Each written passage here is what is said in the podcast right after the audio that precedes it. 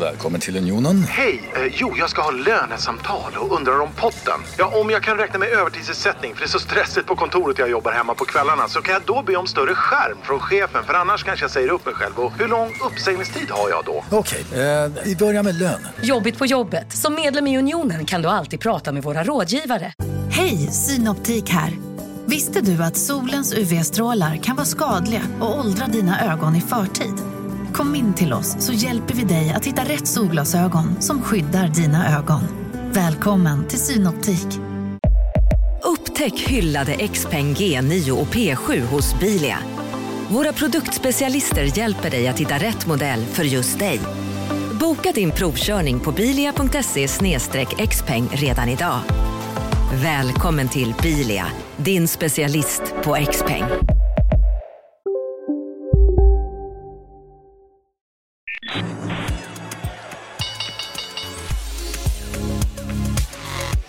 Är Marknaden med Helene Rothstein.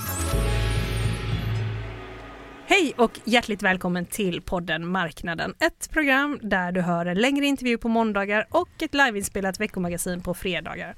Idag så ska vi prata om bråket mellan Twitter och Apple. Vi ska prata om SBBs försäljning av skolfastigheter och så pratar vi om hur riskkapitalbolagen påverkas av de snabbt stigande räntorna. Jag heter Helene Rothstein och med mig i studion idag har jag Erik Brent Överholm från advokatjätten DLA Piper. Välkommen hit! Tack så mycket. Och sen har jag Claes Tikkanen och du är operativ chef på riskkapitalbolaget Nordic Capital. Välkommen! Tack så mycket. Erik, jag sa ju advokatjätte till dig. Ja. Eh, det är väl okej, okay, eller? Det är ni väl? En, en av världens största advokatbyråer? Absolut, en av, en av världens största advokatbyråer. Vi, inget monopol, men, eh, men eh, en av världens största definitivt. Jag har kontor i väldigt, stor, väldigt många av världens länder och, och eh, en av de största byråerna i Sverige också. Hur mäter man eh, om man är stor? Är det antal byråer eller är det affärerna man gör? Hur mäter man? Eh, Gud, det, det finns väl lika många sätt att mäta som det finns, eh, som det finns affärsjurister. Aha. Men, men, men antal, antal kontor kanske, Ja. eh, omsättning, antal, antal, antal anställda sådär. Mm. Vi, vi är 200 stycken i, i Sverige, vi är enda byrån som har kontor i alla nordiska länder. Mm. Eh, Sverige, Norge, Danmark, Finland. Och ja, är de flesta av, världens metropoler. Mm. Och på Nordic Capital, hur mäter Jag måste man? bara säga en sak. Det var väldigt intressant att du, en av dina kommentarer var stora men inget monopol. För eh, Erik är ju konkurrensrättare. Du Ja, just det. Du är ju konkurrensrättare. exakt, precis, exakt. Vi har inte ens en dominerande ställning. Nej. Inte ens. Nej. Inte än. Men, och du Claes, hur mäter, man, hur mäter ni hur stora ni är inom riskkapitalbranschen? Är det hur stora fonderna är eller vad är det bästa sättet att mäta på? Ja, man brukar nog mäta senaste fonden, i Mm. vårt fall då ungefär 100 miljarder kronor eller 9 miljarder euro. Eller totalt förvaltat kapital. Mm. Och I vårt fall är det ungefär 32 miljarder euro. Så Mm. säg 350 miljarder kronor. Hur ligger ni då världsmässigt? Hur ligger ni till? Vi är det man kallar för upper mid market. Ja. Som med svenska mått mätt är vi väldigt stora. Men på den internationella arenan finns det ett 20-tal aktörer som är väsentligt större än oss. Stor i Norden och lite mindre på jorden. Så kan man säga. Så kan man säga. Men naggande god kanske. Ja, vi får se. Hörrni, vi drar igång för eh, Twitters nya ägare Elon Musk. Han inledde den här veckan med att kritisera Apple för att ha hotat med att porta Twitter från App Store.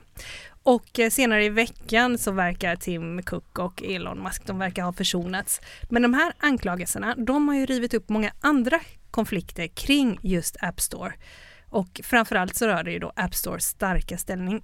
Erik, du som är advokat specialiserad på konkurrensrätt. Hur ser du på det här bråket och Apples starka ställning?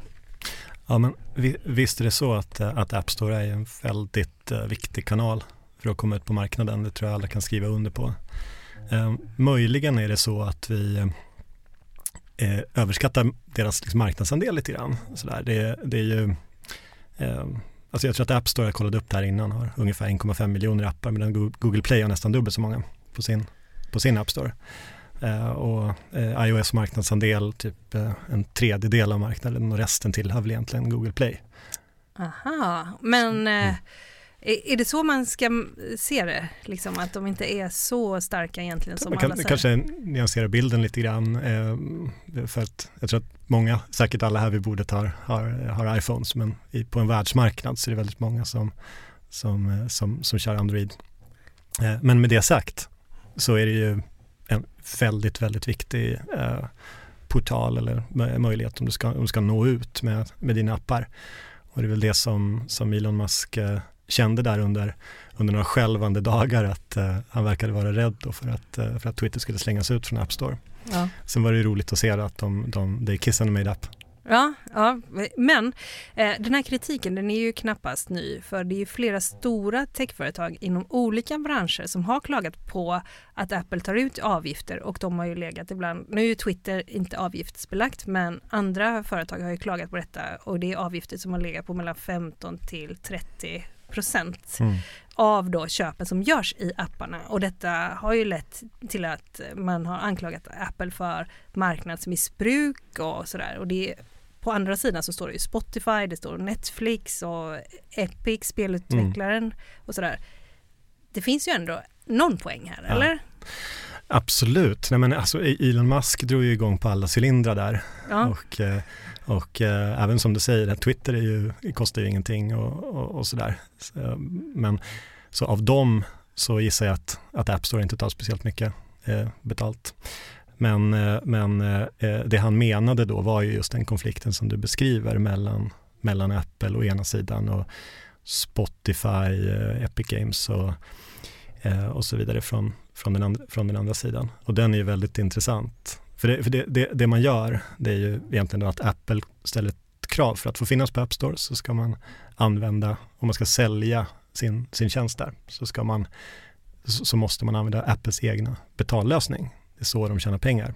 Och det kan bli då upp till 30% kommission på, på till exempel ett, ett Spotify-abonnemang som du köper via eh, Spotify-appen. Jag måste säga, om någon har försökt att lägga till till exempel barn eller så här via Spotify så vill du ju göra det med två klick Just. i din app och det går inte Nej. utan då måste du gå in till Ja. din dator och göra det här för att på grund av betalningslösningarna. Eller hur? Mm. Precis. Det är det som också stör. Ja, Liksom. Det stör ju användarupplevelsen tror jag ganska mycket menar, menar, menar Spotify. Mm. Och dessutom att det är mycket pengar då, som, som går åt till, till App Store för att egentligen då bara, menar de, kanske då får finnas på den här marknadsplatsen. Men, Ja, EU har ju tagit fram någonting som förkortas DMA, Digital Market Act. Och det ska börja gälla nu redan våren 2023. Och målet här verkar ju vara att man ska kväsa teknikjättarnas makt och öppna upp för mer konkurrens. Eh, kommer det här hända eller hur ser du på det här Erik? svårt, svårt att säga. Men jag, jag kan, om du vill kan jag dra lite bakgrund till, till det här regelverket. Ja. Det finns ju gammal klassisk konkurrensrätt. Du får inte missbruka din dominerande ställning, du får inte vara med i karteller. Många av dina, om du ska köpa en konkurrent till exempel, måste du anmäla det, det kan förbjudas och så. Ja. Och då har man känt eh, de senaste, alltså, i och med de här techjättarnas framväxt egentligen, att det har varit svårt att reglera deras eh, starka marknadsmakt Eh, med klassisk konkurrensrätt. Och, så då försöker man hitta andra sätt. Att man då egentligen ska identifiera de som, som har en, en roll som gatekeeper ehm, och reglera dem särskilt. Och då har man satt upp ett par villkor då i den här nya eh, när det är, eh, regleringarna som kommer som heter DMA, då Digital Markets Act. Eh, att vissa då kommer att, kommer att eh, identifieras som gatekeepers. Så det, det, det gör man om man har en väldigt hög omsättning, väldigt många användare och en entrenched position. Så till exempel är, är det ju sannolikt att anta att, eh, att iOS kommer att vara ett sånt eh, op- operativsystem som innebär att man, att man är en gatekeeper. Och det, det kommer gälla sociala nätverk som, som Facebook och Twitter eh, också. Det kommer gälla Amazon antagligen, eh, deras alltså marknadsplatsen Amazon. Och eh, Google. Såklart på search, kanske liksom first and foremost. Um, och, eh, och, och de då som, som identifieras som sådana kom, kommer att ha en väldigt diger lista av, sak, av, dos and don'ts som de inte får göra. Och när det gäller just app stores så, så, så står det eh, uttryckligen egentligen då i DMA att då måste man tillåta third party app stores det blir förbjudet då för att, står det, requiring app developers to use certain of the gatekeepers services such as payment systems in order to appear in app stores of the gatekeeper. Så istället då för att göra det som Spotify har försökt få EU-kommissionen att göra, ingripa med den vanliga klassiska gamla mossiga konkurrensrätten, så försöker man liksom ta en liten genväg då från EU-kommissionens sida och bara re reglera dem och säga att eh, om du har en App Store som är en gatekeeper, ja, då måste du tillåta andra betalningslösningar. Det är ganska intressant. Men, eh, Det är ganska intressant också i ett historiskt perspektiv för nu kommer ju, tycker jag, en våg eh, av, av regulatorisk medvetenhet över världen om just konkurrensrätt och att man måste begränsa eh, missbrukandet av dominerande ställning. Eh, det kommer ju efter de sista fem åren kanske, det kommer ju efter kanske en 20-årig period där, där man har varit mer eh, avslappnad kring de här frågorna. Man har tillåtit stora företag att växa sig väldigt stora och man har, tillåt, man har haft en mer avslappnad syn på de här frågorna. Mm. Men innan det hade vi ju en till våg av, av det vi ser nu när man gav sig på Microsoft bland annat och eh, Ja, bröt upp dem ganska rejält eh, på, på, en nivå, på ett sätt så att folk tvivlade om Microsoft ens, ens hade en framtid Mm. för 20 år sedan. Eh, med Windows och den totala do- dominerande ställning de hade då. Mm. Eh, sen har man ju då Microsoft hittat nya sätt att liksom göra sig relevanta och i takt med att vi nu lägger ut mer och mer på, i molnet så har de lanserat Microsoft 365. Eh, de har lanserat ett hop med lösningar som gör att man är idag igen väldigt, väldigt relevant och lönsam. Ehm, men det är intressant att se tycker jag hur, hur eh, reglerande myndigheter och politiker, att liksom, det har gått i vågor över många decennier. Mm. men kommer man in lite sent ändå? Vad säger du? Det är, svårt, att- det är sv- sv- svårt att säga. Absolut kan, kan, kan man ju påstå att de har ju tillåtits få väldigt höga marknadsandelar. Speciellt kanske man tittar på Facebook, Google och, och sådär. Och, eh, Men luften är fri. men luften är ju fri. Eh, och, eh, och därför tycker jag egentligen att jag menar, begreppet gatekeeper är väl ganska intressant. Att man säger att ja, men du, har, du, du är så, växt dig så stark att du är en grindvakt för den här marknaden. Och då reglerar vi dig särskilt. Och det kommer ju bara vara liksom tio företag som omfattas av den här, det här reg- regelverket. Och, och, och när konkurrenter kanske kommer ikapp och växer förbi, då kommer de också att omfattas av, av regelverket. Men jag tycker det var intressant den historiska tillbakablicken.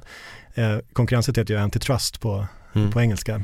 Och det, det, det gör det ju på grund av att eh, vid förra sekelskiftet så, så var det ju Mm. truster som, som dominerade eh, massa, massa branscher som var de het, heta då, liksom järnväg, Järnväg, olja Mm. eh, och, och sådär. Eh, och, och det var liksom ja, men Rockefeller och sådana här, såna gamla ma- magnater som dominerade dem. Och då bröt man ju upp och eh, försökte lösa de konkurrensproblemen med ja, liksom, Sherman Act som, som den amerikanska konkurrenslagen Ja, heter. Och, och, och den finns ju kvar. Det är roligt på det sättet i, i, i USA. Det är precis samma gamla regler. Men eh, utifrån så kan jag också tycka att det kan vara lite gnälligt med de här gate, mot de här gatekeepersarna för att de har ju en gång hjälpt Spotify och så vidare att växa och bli stora och om man tar en parallell till en helt annan bransch om vi tar liksom Booking eller Hotels.com där har det också varit väldigt irriterat och det har varit stämningar från arbetsgivarorganisationen Visita till exempel om prissättningen. Men de här gatekeepersarna, de har ju en gång i tiden också möjliggjort en världsmarknad för små aktörer, alltså små hotell till exempel eller nya spel och sådär. De har ju vuxit också via Apple. Alltså, eller? Ja, herregud, verkligen. De har ju hjälpt, de hjälper ju Men jag små. tror ju att lagstiftande myndigheter och reglerande myndigheter de tycker nog att det där är jättebra för att det är bra för innovation, det är bra för samhället att nya lösningar kan komma in. Och då fanns det väl någon annan vid någon tidpunkt som var dominerande och försökte hålla tillbaka dem. Mm. Det är klart att det var bra. Sen kommer det till någon punkt när de här företagen har hjälpt och de har blivit så stora att de sakta kanske börjar skälpa. Mm. Eh, och jag tror, det, jag tror verkligen att det är bra för samhället att det finns konkurrens och vid någon tidpunkt kanske en jätte blir så stor. Jag säger inte att det gäller något av de här bolagen än, men det kanske det gör. Eh, men, men den jätte blir så stor och så stark att de kan eh, begränsa konkurrensen för andra på andra områden och då tror jag det är sunt att, att samhället griper in och, och tar sig an det. Eh, däremot så noterar jag att de här vågorna, jag tror man blir för avslappnad ett tag och nu kanske man riskerar att bli alldeles för hård ett tag. Alltså Mm. det, det går liksom i någon sorts sinusformad våg här i, i, i kraften från myndigheterna. Ja, så ska man kom, komma ihåg nästan att det finns ju nästan geopolitiska dimensioner i de här frågorna också. Mm. Överreglerar vi våra, som de västerländska internetjättarna, eh, ja, då kanske vi, eh, de, de kinesiska motsvarande kan växa, växa sig starka. Ja, ja, och ifall det är globala företag och så regleras liksom en del av världen, de techjättarna och sen så har vi då Alibaba, Tencent Mm. och, och så vidare som inte regleras, eller? Se, ser man... Eh, Alltså, Ki- Kina har en ganska väl utvecklad konkurrenslag idag Mm. och vi ser liksom in, in, det ingripanden mot Alibaba, Tencent och, och så vidare där. Men, Där eh, undrar man ju om Ja, det ingripandena är av vad, vad orsaken till ingripandena är, men Ja. de ingriper ju onekligen. ja. eh, inom, eh, alltså, sist, man har också sett techbolagen, de har ju vuxit, eh, om vi tar Facebook och många andra, de har ju också vuxit genom att dammsuga mindre bolag, dammsuga upp dem. Liksom. Och det är ju något som jag vet också man gör, till exempel inom riskkapitalindustrin, att man kan dammsuga upp flera mindre bolag till en enhet. Är det något som man också ser över hårdare nu? Ja. Ja. Nej men absolut, det där är ju eh, eh, en, en, en viktig aspekt. Att man, är, man, man går på, jag tror det kallas för killer acquisitions ganska hårt. Eh, Att man, man har en rädsla för att, att du köper upp och lägger ner eh, startups som skulle kunna utmana en sån här position. Ja. Eh, och det, det, det är också konkurrensrätt ett annat ben bara som heter merger control. Eh, och, och vi ser mer, fler och fler ingrepp mot, eh, mot just den typen av transaktioner. Kanske mest intressanta jämförelsen är när Facebook köpte Instagram 2010. Mm. Och det blev väl eh, knappt anmälningspliktigt till någon konkurrensmyndighet för Instagram hade inte börjat sälja reklam då. Hade enormt många användare men nästan ingen omsättning. Så, så, så att man triggade inte de här merge control tröskelvärdena som finns i, i olika länder. Men, men eh, transaktionen hade, ju- har, har ju naturligtvis fått en liksom enorm effekt. Det var ju väl Facebooks, liksom, en up and coming stark konkurrent till Facebook. Och man köpte sedermera WhatsApp också. Och det här tror jag skulle vara svårare idag. Eh, vi, ser, vi ser att man går på eh, flera typer av, eh, av, eh, av, av sådana eh, transaktioner då, från konkurrensmyndigheternas eh, sida. Och även här i Sverige? I svenska konkurrensverket tror jag inte så ofta går på den typen av transaktion. Man ser det nog lite som någonting som EU-kommissionen eller amerikanska konkurrensmyndigheter ska ingripa mot. Eller Mm. den väldigt starka eh, brittiska konkurrensmyndigheten som växer starkare nu efter Brexit också. Ja, just det. Mm. Klas, ni gör ju jättemånga transaktioner hela tiden. Mm. har gjort, hur många affärer har du gjort egentligen? Eller har ni gjort? Eh, vi är nog uppe i 140 ungefär på 30 år, men ökande tempo. Förra året var det 12 stycken. Ja, och i år? Sex. Vi ska snart gå vidare till ett nytt ämne, men först så kommer ett meddelande från våra sponsorer. Marknaden sponsras av SPP, pensionsbolaget. Eh, förra gången pratade vi lite om ITP. Och som en kort repetition så, så var det ju 70-tal, arbetsmarknadens parter bestämde att alla tjänstemän ska ha en tjänstepension. Man kom överens om vilka villkor som ska gälla i den här pensionen och så kallade man den för ITP. Så jobbar man idag som tjänsteman i ett företag med kollektivavtal, då har man förmodligen den här pensionen, ITP-pensionen. Eh, och det är ju så att man kan påverka eh, den här pensionen, hur den är placerad. Vart femte år så gör nämligen Collectum, som de heter, en enorm upphandling där olika pensionsbolag kan ansöka om att få förvalta eh, de här pensionerna. Och SPP är ett av bolagen som valdes ut i den senaste upphandlingen. Och sen kan du som pensionssparare välja eh, vilket av de här olika pensionsbolagen som, som då ska få ta hand om dina pengar. Och tanken med den här upphandlingen det är ju att liksom kvalitetssäkra de här olika alternativen eh, men också att förhandla fram stora rabatter så att pensionsspararna ska få ja, kunna spara pengar genom att avgifterna eh, som är så viktiga eh, blir eh, lägre.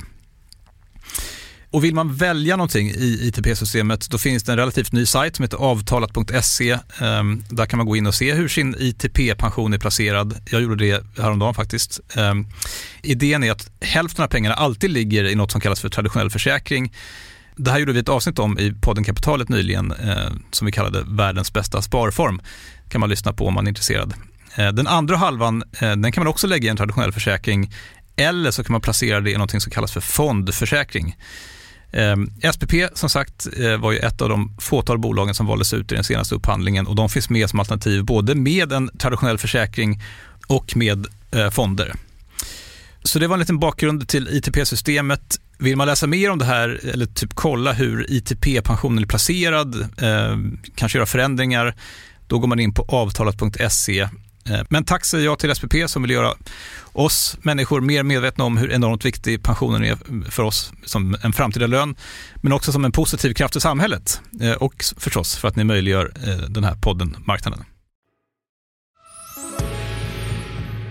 I veckan så blev det klart att fastighetsbolaget SBB säljer 49 procent av sina utbildningsfastigheter för drygt 10 miljarder.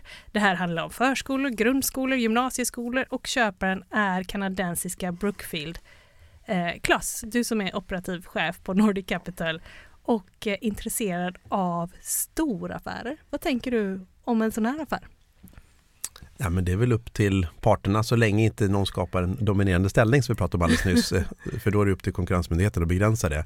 Så det är väl fullt naturligt att ett företag som en del av sin plan att förbättra sig själva eh, avyttrar en del av sina verksamheter och kanske köper andra verksamheter. En del verksamheter passar inte inom ett paraply med andra verksamheter. Det finns inga synergier, det finns inget samarbete, det finns inget korspollinering. Ehm, så kanske det finns andra saker man vill göra och då kan man ju sälja en verksamhet, frigöra kapital för att investera i en annan verksamhet till exempel. Eller att dela ut till aktieägarna. Eh, Brookfield, känner du till dem? Eh, inte särskilt väl, men det är ju det är en stor välkänd investerare globalt. Ja, men jag gjort? har ingen insight. liksom. Nej. Um, och uh, har du någon uppfattning om varför den här typen av aktörer vill äga svenska skolfastigheter? Tänker du något kring det? Ja, långsiktigt jag tror det är stabil, långsiktig eh, kund, kundbas. Liksom. Jag tror att det, vi lever väl i en tid nu när folk tittar efter olika saker. Men en sak som många tittar på, eh, både när man investerar i aktier eller när man investerar i fastigheter, är ju eh, stabilitet. Eh, stabila intäktsströmmar. Eh, och eh, då får man väl an, anta att, att skol, skolor, äldreboenden, sjukhus eh, har ju ytterst i Sverige offentlig finansiering liksom, någonstans i bakgrunden. Um, och det är väl en stabilare bas att stå på än om man kanske skulle investera i fastigheter som startup hubs och sånt som kanske har volatilare kundbaser. Ja, faktiskt. Eh, du sa att ni har gjort sex affärer, eller mm. vad sa du, i år? Mm. Och i fjol var det? Tolv.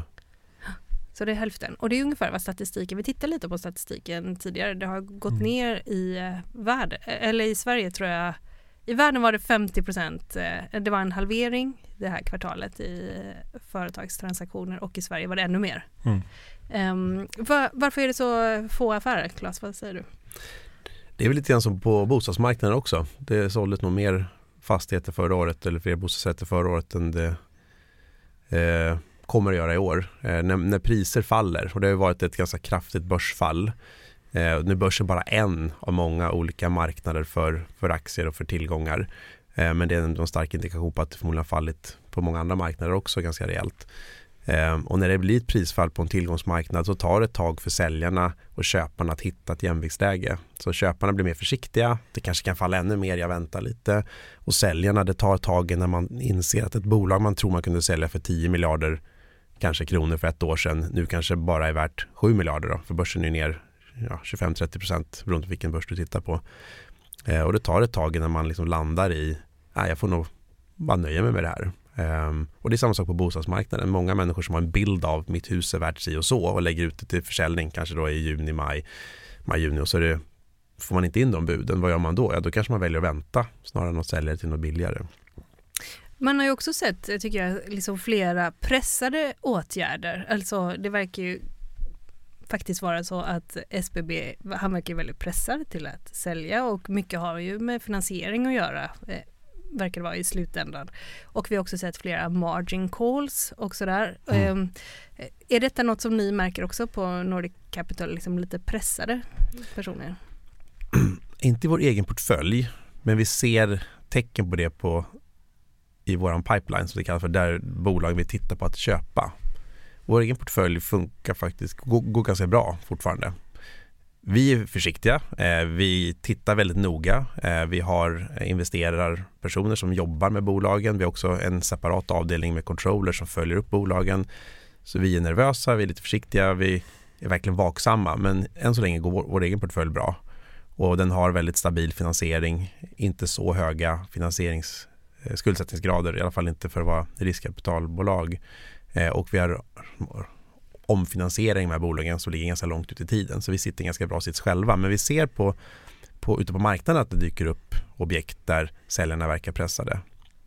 Eh, men, så, Men jag vill inte kommentera just SBB för jag känner inte till nej, nej, den affären nej, nej, nej, men vi har ju. Urbit, vi har SBB, Mm. alltså vi har, det har varit flera sådana här eh, där det är klart, räntorna går ju- storägare verkar pressa. Ja precis. Ja, räntorna har gått upp rejält och, och vi har ganska länge haft en mer negativ syn på räntebanan än marknaden har haft. Vi, vi sa ju till våra egna investerare tidigt i år att vi vi, förberedda på 4-5% i långränta och det var ju ingen som trodde på då men nu, nu är vi ju där.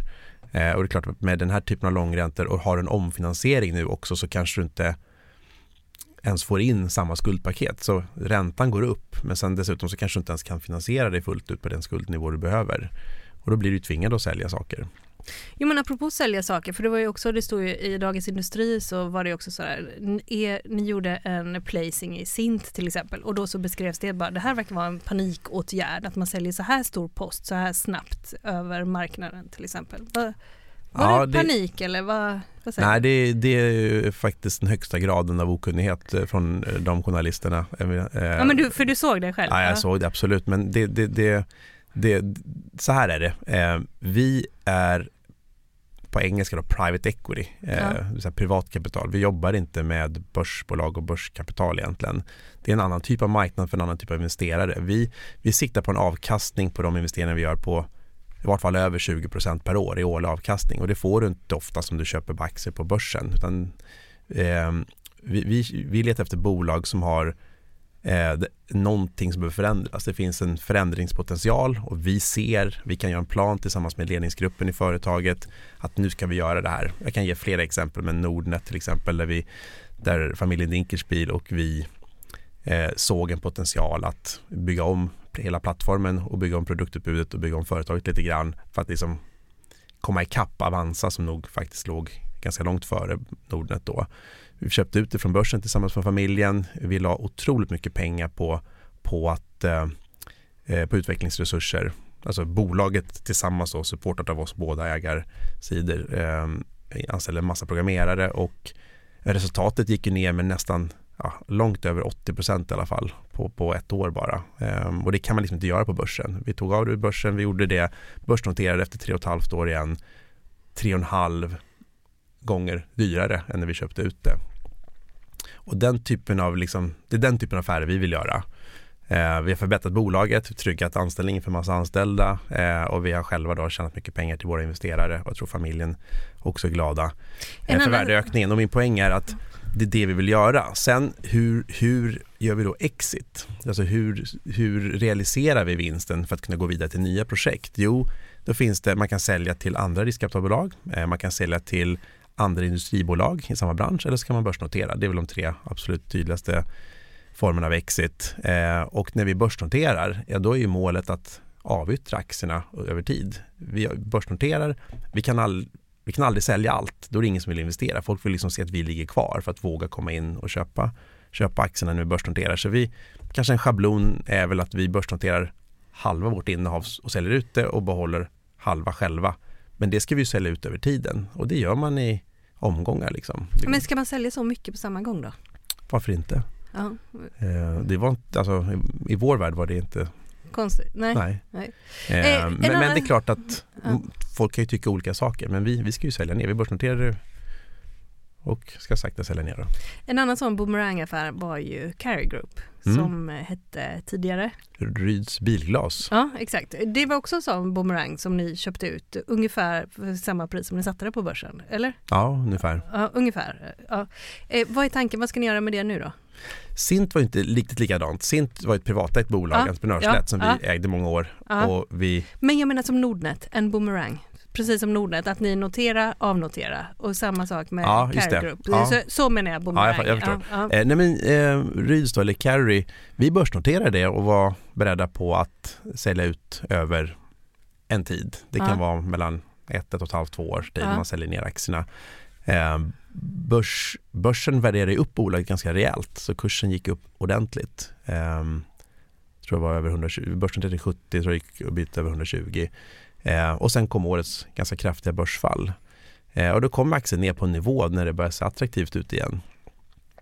Eh, och samtidigt så var det ett annat riskkapitalbolag, CVC, som vi ibland har samarbetat med eh, och ägt bolag med tidigare som kom till oss och sa att nu borde vi göra en affär här. Eh, nu börjar det se attraktivt ut.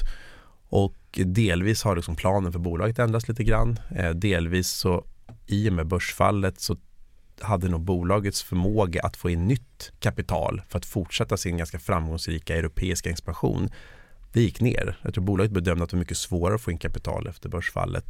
Och man behöver kapital för att kunna expandera i Europa, vilket alltid har varit planen. Ta ett fantastiskt koncept för hur vi hanterar bilglasskador i Sverige. Eh, ta ut det i Norden, det gjorde man ju under oss. Vi gick in i England och så har man liksom fortsatt ut i Europa. Då.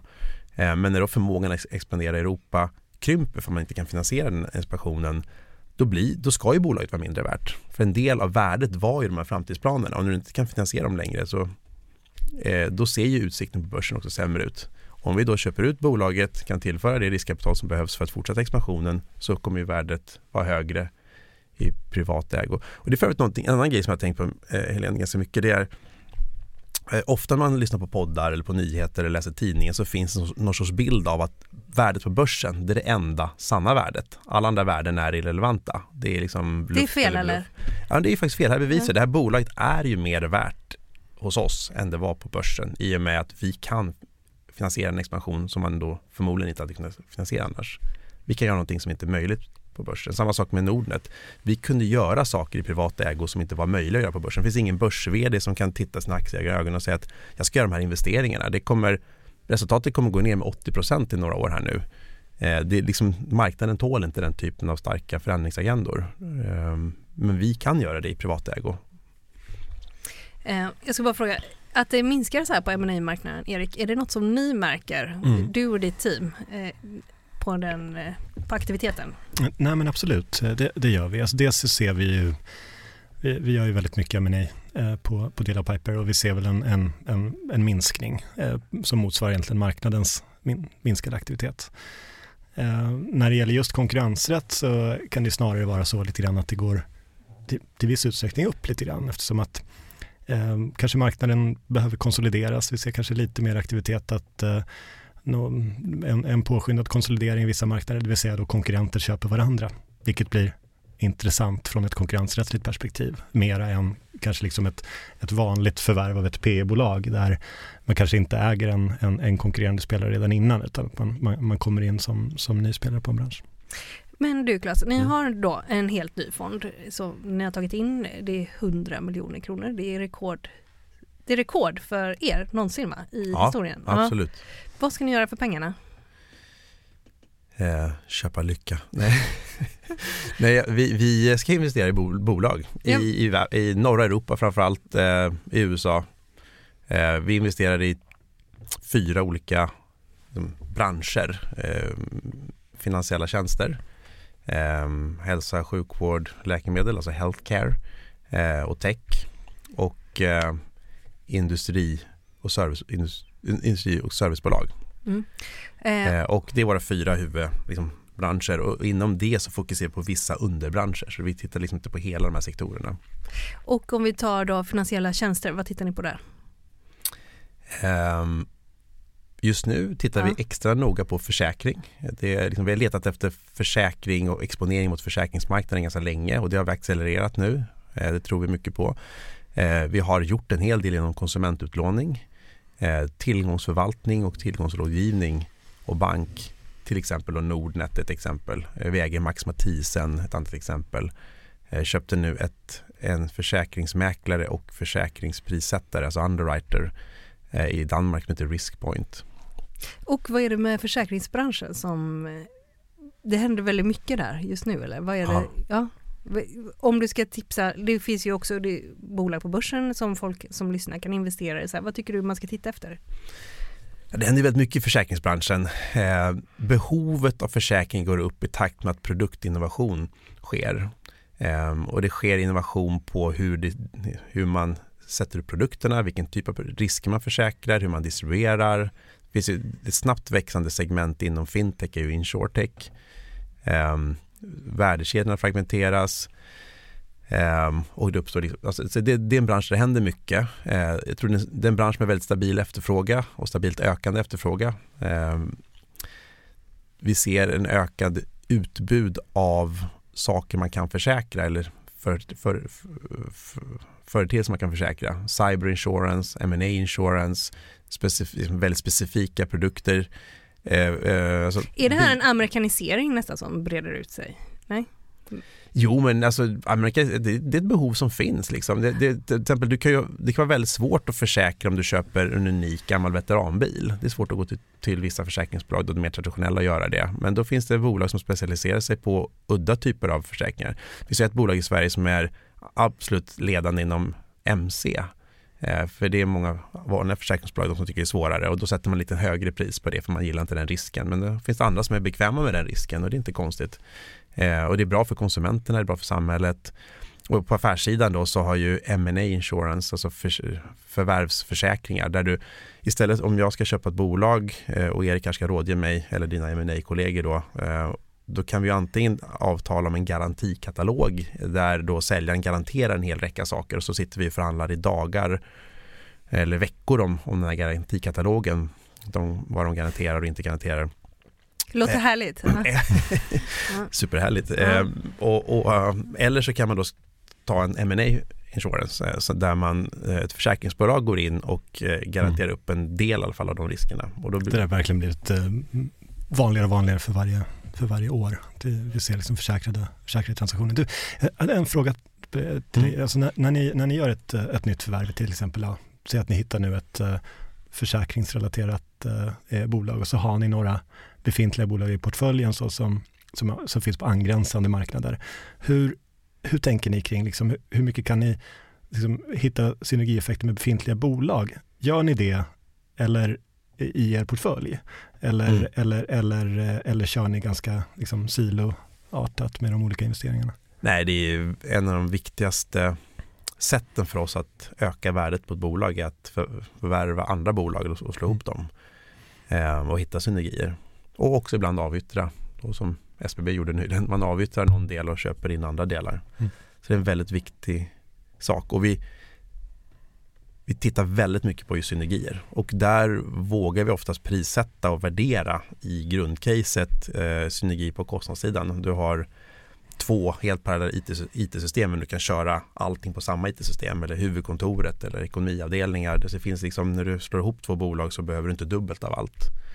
Eh, och sen är vi kanske lite försiktiga med att titta på intäktssynergier men ibland när du slår ihop två bolag så blir produkt pamfletten mycket mer attraktiv för kunder och då kanske man lyckas sälja ännu mer eller man kan ta ena bolagets produkter och sälja till andra bolagets kunder och vice versa. Och där är vi lite försiktigare. Jag tror alla är lite försiktigare med att liksom våga ta in det i grundcaset när man räknar på hur mycket man vågar betala. Men, men det brukar finnas med som en ganska betydande uppsida.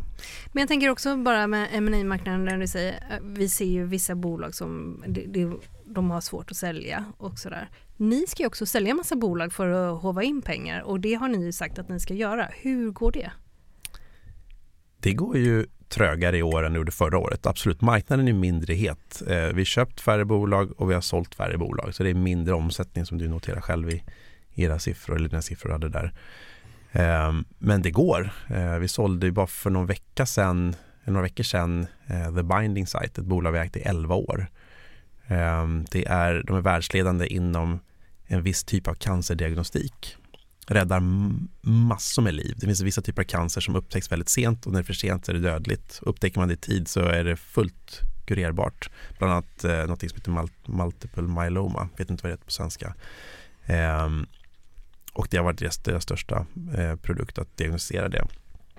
Och bolaget har vuxit otroligt fint sedan vi köpte det. Det var en en nattig professor eh, i Oxford eh, som satte upp ett bolag i Birmingham. Så det var liksom ett utvecklingsbolag när vi köpte det och vi har varit med på hela kommersialiseringsresan och verkligen fått ut det här i världen. Det känns väldigt bra, vi räddar ju massor med liv varje år eh, som, som, bolag. Eh, bolaget gör det. Eh, men det kom liksom till en punkt när vi fick ett så pass bra bud nu efter 11 år att vi kände att vi, det var dags att sälja det och låta Men, men det är ganska lång tid också, 11 år för ja. er. Ja. ja, det är det. Va, vad är det längsta bolaget ni har kvar i portföljen? Ja, det här har nog varit det längsta bolaget tror jag, 11 år. Vi, har haft, eh, vi ägde Capio som äger bland annat Sankt Görans sjukhus och vårdcentraler och andra sjukhus i Sverige. Det ägde vi i åtta år, det är också ganska långt. Snittet för oss är uppåt fem år, 4, komma någonting eh, år. Eh, Men, men det här det blev en väldigt bra affär. Vi fick betalt upplever vi i liksom 2001 års kanske värderingsnivåer snarare än alltså 2021 års värderingsnivåer snarare än 2022 års värderingsnivåer. Och totalt blev det 18 gånger pengarna för oss. 35 procents avkastning per år i snitt under 11 år. Vi ska alldeles strax gå in på det sista ämnet som rör riskkapitalbolag och stigande räntor efter det här. Eh, Marknaden sponsras av Karla. Eh, Vi pratar ju en hel del om bilar här- på kontoret. Eh, Karla har ju skapat, skulle jag säga, det som är standarden för hur man idag köper och säljer bilar eh, på nätet. Eh, Kort bakgrund bara. Eh, Karla säljer och leasar begagnade elbilar eh, och laddhybrider på karla.se. Alltså en helt eh, digital upplevelse. Och man har gjort det här med ett nästan maniskt fokus på vad en bilköpare faktiskt behöver. Jag gjorde ju en intervju med en av grundarna, Patrik Illerstig, i marknaden här eh, ganska nyligen, eh, daterad 25 mars, om man vill lyssna på den.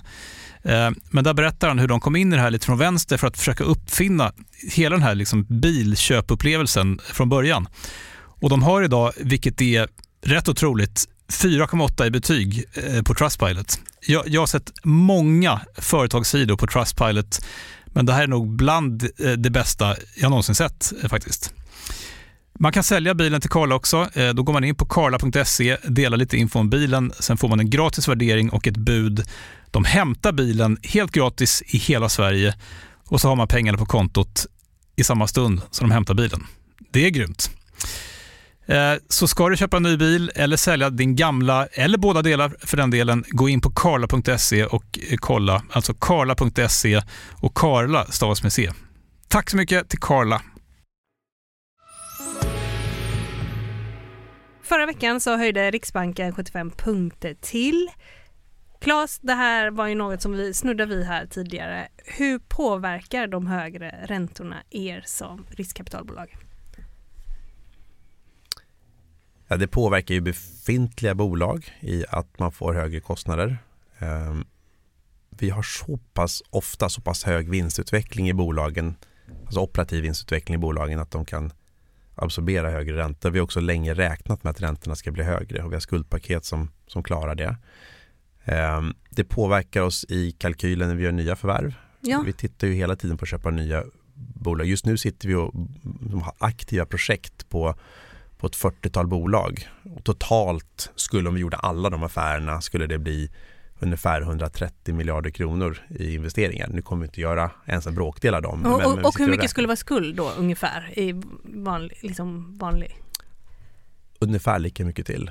Ja. Så vi har ungefär i snitt över en lång tidsperiod och över många bolag i snitt ungefär 50% av Enterprise Value i skuldsättning. Mm. Så nu när ni reser ny fond, 100 miljarder kronor motsvarande, Mm. då, kommer, då ska ni också finansiera via lån 100 till. Det kan man säga med Ja. grovt nyckel. Och sen tror jag det kanske kommer bli lite lägre några år Ja. och sen kommer det kanske skuldsättningen komma upp lite senare. Sen är det inte alla bolag vi, vi skuldsätter. Ungefär en tredjedel av de bolag vi köper har vi ingen skuld på. Det är snabbväxande bolag med liksom en lönsamhetsbild och stabilitet som gör att vi, vi ser mycket uppsida men vi ser också att vi inte vill ha skuld på de bolagen. Jo, jo, men att er bransch, att man tar så mycket skuld, det kan ju låta jättekonstigt, men det har ju, det är en hävstångseffekt i det. Absolut. Vill, vill du säga lite kort, eh, om man ska förklara lite kort? Eh, alltså om man skuldsätter då kan man också köpa fler bolag och låna mer. Det är ju därför ni, man jobbar med skuld så pass mycket, eller? Ja, absolut. Ja. Om du säger att du köper ett bolag för 100 kronor Mm. och så skuldsätter du inte det fast du skulle ha kunnat gjort det. Det är ett bolag som skulle ha tålt skuld. Ehm, och så jobbar du som en tätting och sen eh, fördubblar du värdet till 200 kronor. Då har du gjort två gånger pengarna. Då har du gjort en reavinst på 100 kronor och säg att du har gjort det i fem år. Om du istället eh, lånar 50 kronor, du köper för 100 kronor fortfarande, då, men du lånar 50 kronor och stoppar in 50 kronor själv, säljer det för 200 kronor efter fem år. Då ska du betala av skulden, 50 kronor, så kanske betala räntor sig löpande om men vi bortser från det. Då, då, då, då tar du bort skulden och då har, du, då har du 150 kronor kvar i fickan. Så du stoppar in 50 och fick ut 150. Då har du gjort tre gånger pengarna istället för två gånger pengarna. Och de andra 50 som du inte stoppar in i det här bolaget kan du stoppa in i ett annat bolag. om du på det bolaget också får då tre gånger pengarna, ja då, då har du ju liksom eh, har, har du reavinst som är dubbelt så stor, alltså 200 kronor istället för 100 kronor. Så det, det är liksom därför man har skuld, inte bara på våra bolag utan på, på bolag i största allmänhet. Du får en hävstång till aktieägarna. Och med det här nya ränteläget, om vi tar de gamla innehavet som också har eh, skuld eh, och sen att ni också ska ha 100, eh, ungefär, vi säger 100 miljarder till som ni ska låna upp. Hur ska det här gå till? I nuvarande marknad här och nu där vi står och går så är det trögt på skuldmarknaderna. De är relativt stängda. Vi har i och för sig alltid lyckats finansiera alla förvärv vi har försökt att finansiera i alla typer av marknader. Eh, även i the great financial crisis då 2009 2008, 2009, 2010. Så vi är en av de tror jag, aktörer på marknaden som har den typen av relationer. Eh, att vi kan lånefinansiera. Sen, sen vem lånar vi av? Det varierar lite över tiden. I liksom de här heta marknaderna vi haft för några år sedan, då har det varit mycket direct lending funds eh, som har varit med. Eh, I tuffare marknader kanske man lutar sig lite mer mot sina bankrelationer. Eh, men men bankerna, hur, de har ju blivit mer restriktiva nu, eller? Ja, absolut. Men även, det var ju, de var ju otroligt restriktiva. Alltså 2008, 2009, 2010, det var ju en ren skuldkris. Eh, de var ju otroligt, det var ju kris i samhället. Det var ju politiker stod ju och bannade bankerna att de inte lånade ut. Men vi lyckades alltid låna. Eh, vi har det förtroendet hos, hos bankerna, vi har den typen av relation att vi har lyckats låna.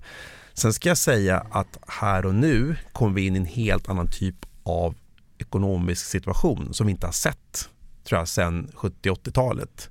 Så att vad som hände 2001 eller vad som hände 2009 det, det, det är inte helt applicerbart nu. Å andra sidan så är ju bankerna betydligt mer välkonsoliderade nu än de var 2009. Eh, det finns ju också, jag har sett, eh, eller som jag har förstått det så har vissa riskkapitalbolag, man har gjort en eh, kreditfond, att man typ lånar av sig själv. Man har satt upp en sån hubb. Är det något som ni har tänkt på att göra? Det, och har jag fattat det rätt? Att ja. typ man lånar av sig själv? Kan du säga något om det upplägget? Ja, eh, det, jag tror att det är flera, ganska många riskkapitalbolag som har satt upp en kreditfond. Eh, I varje fall så i våra fonder för att investera i, i aktiedelen. Då. Eh, om du lånar av dig själv så kan ju det leda till intressekonflikter så att olika fonder har satt upp olika typer av regler och eh, liksom governance-system för att hantera den potentiella intressekonflikten. Till exempel kan det vara så att de kan låna hälften av sig själv men själva prissättningen och villkoren, alltså räntan och villkoren sätts av någon annan. Så man lånar av två parter då, hälften av sig själv och hälften av någon annan till exempel. Det är ett sätt att lösa det på. Men vi på Nordic Capital har ingen kreditfond. Vi har två fonder, en större fond som investerar i lite större bolag och en mindre fond som investerar i lite mindre bolag men exakt samma investeringsstrategi. Och det är aktier vi investerar i. Så, och eh, det här med kredit, verkar det för risky eller? det är en annan typ av kompetens som inte vi har eh, mm. inhouse. Utan, och de, de, som har satt upp det har ju rekryterat folk externt eh, för att sätta upp det. Och det, det, skulle vi ju i och för sig kunna göra men vi har valt att inte göra det hittills i alla fall. Men det, kän, det känns ganska spännande för det känns ju som att man också har ett helt ekosystem då. Man löser finansiering själv. Alltså det känns också lite shaky eller? Jag tror så här, om du bara lånar av dig själv och du ja. har det helt inhouse så tror jag att du utsätter dig för intressekonflikter och risker. Eh, absolut. Och vad händer om, för, men ytterst när du lånar ut pengar måste du vara beredd på att du kanske inte får tillbaka pengarna, att det går dåligt för bolaget eller inte får tillbaka alla pengarna. Och då måste du ju som kreditfond eller som bank agera på ett tuffare sätt. Det kan bli ganska tuffa situationer. Hur ska du göra det om, om andra benet du ska vara tuff mot dig själv? Det skapar en ganska tydlig intressekonflikt som måste hanteras. Är ni på Nordic Capital överens om att ni inte ska skapa en egen kreditfond? Här och nu gör vi inte det i alla fall. Men jag vet inte. Men vi, vi tittar hela tiden på framtida produktutveckling. Vi har absolut tänkt på det. Jag tror inte det ligger i korten för oss inom överskådlig framtid. Men jag, det finns ingen anledning att säga inte. Vi, vi är ju privat, alltså själva Nordic Capital i sig, själva bolaget är ju privatägt. Vi är 19 delägare som äger det eh, och vi kan ju göra, vi kan göra det om vi vill. Eh, mm. Men vi har valt att inte göra det hittills. Man ska ju se en affärsmöjlighet i, vi ska ju lägga tid, energi och pengar på att utveckla någonting eh, första nya produkten vi gjorde förutom vår huvudfond var ju att göra en produkt som är samma sak, en fond som gör samma sak men för mindre bolag. Och nu funderar vi väl lite grann på om man ska också ge oss in i ännu tidigare faser. Ehm, det vill säga det som kallas för growth equity. Det är tankar vi har. Eh, vi har också tittat på hur kan vi investera i ännu mer mogna bolag med kanske lite lägre avkastningskrav. Så vi tittar hela tiden på Ja, för jag tänkte också det. Det finns inte på, er, på kartan att ni skulle minska skuld, på skuldsidan. Alltså om du sa om vi Ja, vi har 100 miljarder att investera för och så lånar vi ungefär lika mycket. I de här tiderna, ni har inte heller tänkt att nej, då kanske vi drar ner på det till 50 procent eller nej, för då pajar man lite modellen. Jo, nej, nej men det, det, det, det tror jag man tittar. Vi tittar ju det, varje gång vi gör en affär och tittar på en affär så måste vi hela tiden ta intryck av hur ser marknaden ut, hur ser lånemarknaden ut, hur ser makro ut, hur ser ränteläget ut och vad tror vi om nästa år och nästnästa nästa år. Vi må, och vi investerar nästan alltid med tio års perspektiv. Ehm, så det måste vi liksom ta intryck av och marknaden har ju genomgått en stor förändring. Vi sitter i en helt annan startpunkt nu än för de investeringar vi gjorde för två år sedan.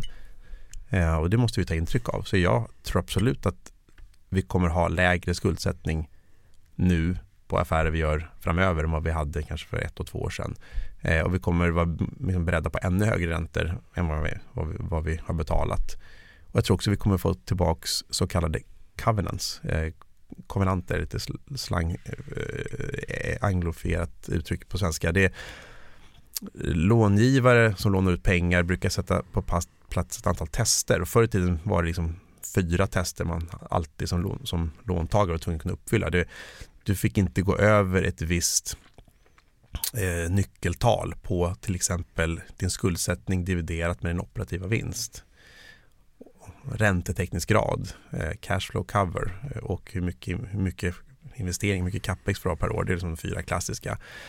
Det, det var ju väldigt vanligt tills kanske för fem, fyra, fem år sedan och sen har gradvis bankerna blivit mer avslappnade på de här typerna av tester. Så att lånegraden har gått upp, man har tagit bort en eller flera av de här testerna och räntorna har gått ner. Eh, så det blir som och nu tror jag att nu, nu ser vi en ganska tydlig trend att de här lånetesterna kommer tillbaks igen, så kallade covenants kommer tillbaks eh, utlåningsgraden, hur mycket, hur mycket lån du kan få, sjunker lite grann. Eh, så att, eh, och, och räntorna kommer att vara högre tror vi under rimligt lång tid.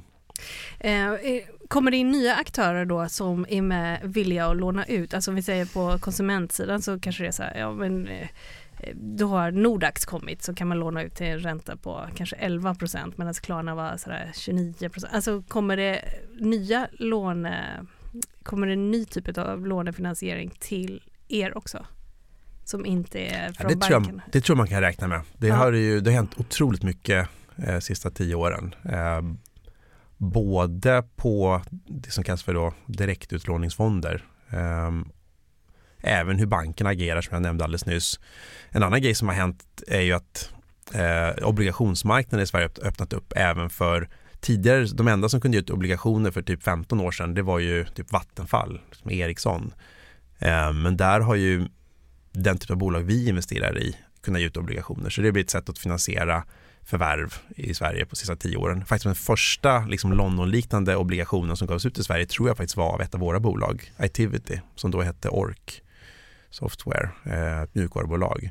Så det är liksom en innovation och jag vet inte, och jag kan inte tillräckligt mycket om, om, om, om, om skuldmarknaderna för att kunna liksom förutse vad kommer härnäst. Men det kommer komma nya metoder att finansiera sig och, då, och de kan ni investera i kanske?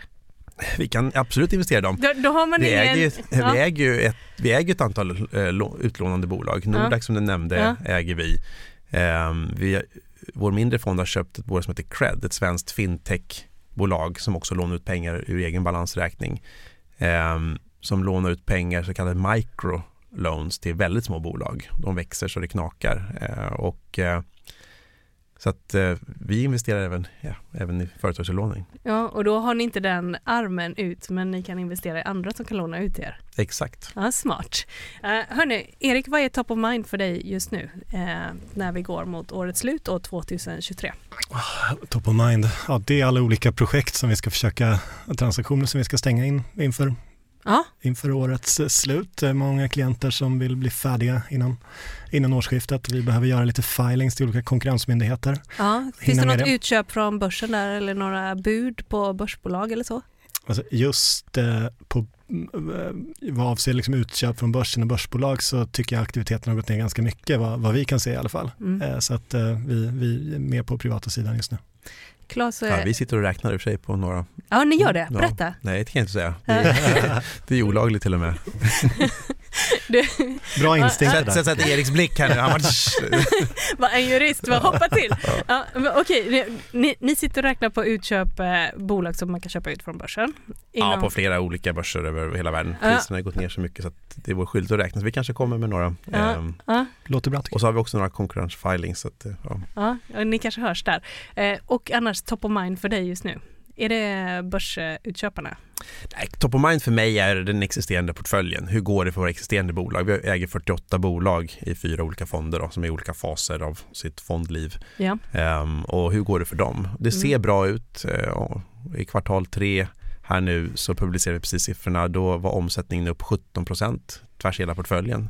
Så det ses inga tecken på avmattning men peppar peppar, nu ska jag knacka trä här. Det, det, det, det, det borde, vi borde se en avmattning. Jag tror vi har i och för sig en väldigt bra portfölj. Vi har bra, bra mix och vi är i bra branscher. Eh, Branscher som inte borde träffas lika hårt av en lågkonjunktur. Men det kommer komma en ganska rejäl lågkonjunktur, är vår prognos. Stort tack för att ni kom hit, Erik Wendt Överholm från DLA Piper. Stort tack för att du kom hit. Tack så mycket för att jag fick komma. Och stort tack till dig Claes Tikkanen som är operativ chef på riskkapitalet Nordic Capital. Tack så mycket. Tack. Och du har lyssnat på Marknaden med mig, Helene Rothstein. Och den här podden den ges ut av Monopol Media. Ansvarig utgivare är Jakob Bursell. Och en jättebra sak, det är att vi är tillbaka redan på måndag. Trevlig helg, håll ut, hej då!